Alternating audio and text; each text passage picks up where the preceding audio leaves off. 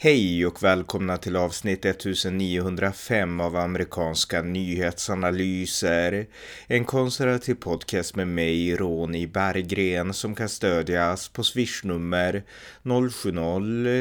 070-30 28 95 0. I detta avsnitt följer ett samtal med journalisten Pelle Zackrisson som har intervjuat den amerikanske islamkritikern Robert Spencer om islamiseringen av väst och det akuta behovet för Sverige, Frankrike och övriga västländer att börja tala klarspråk. Varmt välkomna! Pelle Zackrisson, välkommen! Tackar. Vi ska prata om en artikel som du har skrivit, eller rättare sagt en intervju på din Substack, pellez.substack.com och den intervju som du gjorde igår med den amerikanske islamkritikern Robert Spencer som har fått kommentera om de senaste, vad ska man säga, nyhetshändelserna i både Sverige och eh, ja, eh, andra delar av västvärlden. Kan du berätta lite övergripande till att börja med om den här intervjun? Ja, nej, men det kom sig faktiskt av att jag hörde din podd tillsammans med Björn, eh, Björn Nordström då, ni pratade om Hamtramck i, i Michigan. Och eh, då eh, kollade jag runt och det är alltså en stad i Michigan som har islamiserats och jag började läsa, leta runt lite grann på nätet om det här för att lära mig mer. Och eh, då dyker jag på en del artiklar på på Jihad Watch som är Robert Spencers eh, sajt som han driver då, där, som är en form av watchdog eh, som håller koll på islamisering och eh, våldsam, både våldsam och våldsbejakande och icke-våldsbejakande islamism då. Mm. Och eh, ja, så vet jag sedan tidigare att, att du har, eh, ja, du har väl intervjuat Spencer för eh, många år sedan men också följt honom under en tid. Och så du och jag hade ett litet utbyte där eh, och jag fick tips om eh, en bok som du hade recenserat vet jag. Och så jag, jag kontaktade honom och sa att jag ville intervjua honom om ett par saker. Då var det bland annat då de här upploppen i Frankrike, det här staden Hamtramck, men också sen det här att det som var för ett par dagar sedan att eh, utrikesminister Tobias Billström hade liksom räckt ut sin hand då till muslimska organisationer i världen och eh, ville ha en dialog om kampen mot eh, citat islamofobi då, slutcitat. Eh, så att eh, ja, så att jag ville ha lite, lite tagningar på det helt enkelt. Ja, vi kan ju spela alltså din fråga. Jag tyckte det var väldigt kul här när du frågade Robert Spencer om Tobias Billström och det här initiativet. Spelar det klippet? So let's say uh, Tobias Billström or um, you know Swedish uh, Sweden reached out to you and asked you for advice on how, how to deal deal with uh, OIC and, and the Muslim uh, Muslim communities. What would be your advice? Uh, that they must understand that in a pluralistic society, as well as in the world that we live in today, that we are going to have radical disagreements about basic principles, and that in order to live in peace and harmony, we have to put up with being offended rather than demand the supremacy of one ideological system and system of belief over all the others by exempting it from that kind of offense. And that consequently, there will be no restriction on the freedom of expression in Sweden. And Swedish uh, people will be held to one system of laws the Swedish system of laws, whether they are Muslim or Christian or anything else.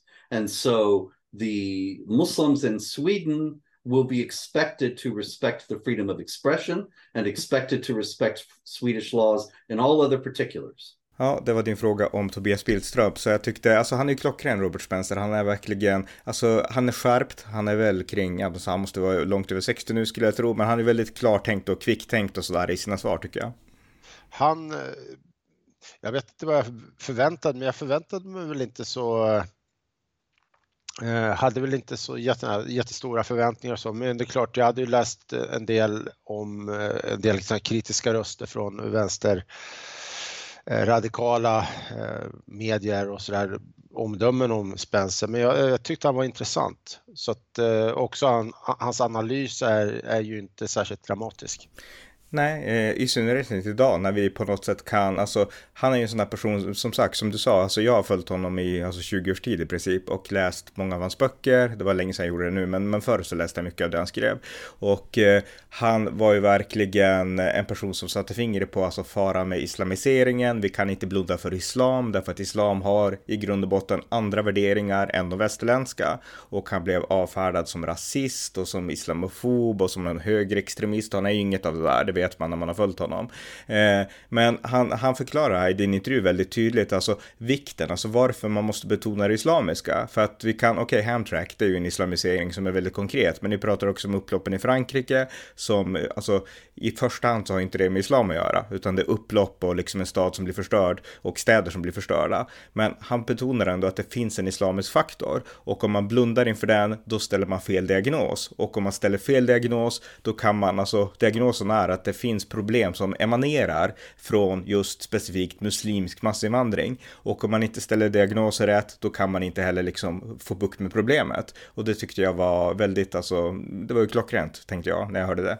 Ja, men just det här, han var ju väldigt tydlig med det att det, han, han menar att det här är muslimska, mass, muslimska upploppen, de muslimska upploppen i, i Frankrike kallade han ju det för. Och på samma sätt så, så poängterade han, jag hade tänkt att fråga honom om det också, men han tog upp det själv, det här med att franska myndigheter har, har avfärdat att det skulle ha någonting med invandring att göra. Och Robert Spencer säger då att men det är ju i princip skrattretande menar han, att det, det är klart att det finns en, den, det är en inte bara en komponent utan det är en eh, avgörande komponent.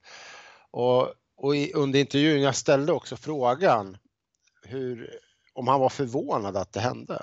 Och eh, det, han var inte det minsta förvånad utan han sa att det var inevitable, tror jag var ordet han använde. Så, alltså att det var oundvikligt att det skulle bli den här typen av eh, kravaller i, i Frankrike. Och han sa också när jag frågade honom om, nu får, nu, ger jag bort hela intervjun här, men, men eh, när jag frågade honom också om, om han trodde att det kommer det bli, alltså när kommer det bli bättre ungefär? Och han, säger, han sa, han var helt övertygad om att det kommer bli mycket värre innan det kanske blir bättre. Mm. Att eh, det här med eh, korankravallerna i Sverige och, och eh, de muslimska, som han kallar det, upploppen i eh, Eh, muslimska kravallerna i, i Frankrike det är sånt som vi kommer att få se mer av och i, i en större, grövre omfattning. Mm. Och han är ju, alltså, det är ju intressant också att han lägger inte bara skulden på vänstern, utan speciellt när ni pratar om Hamtramck och eh, eh, i min podd som jag, som jag gjorde om den här staden då så berättade jag att eh, Tudor Dixon som är republikan som kandiderade till guvernör i Michigan mot den sittande demokratiska guvernören Gretchen Whitmer, hon intervjuade ju Hamtramcks muslimske borgmästare och var väldigt välvillig mot honom och liksom hon blundar i princip för islamiseringen. Och du frågar Robert Spencer om det och han säger att problemet nu är det här att konservativa, de kan lika lite som vänstern om islam och islamisering. Så att då frestas de på något sätt att knyta allianser i förhållande till specifika sakfrågor.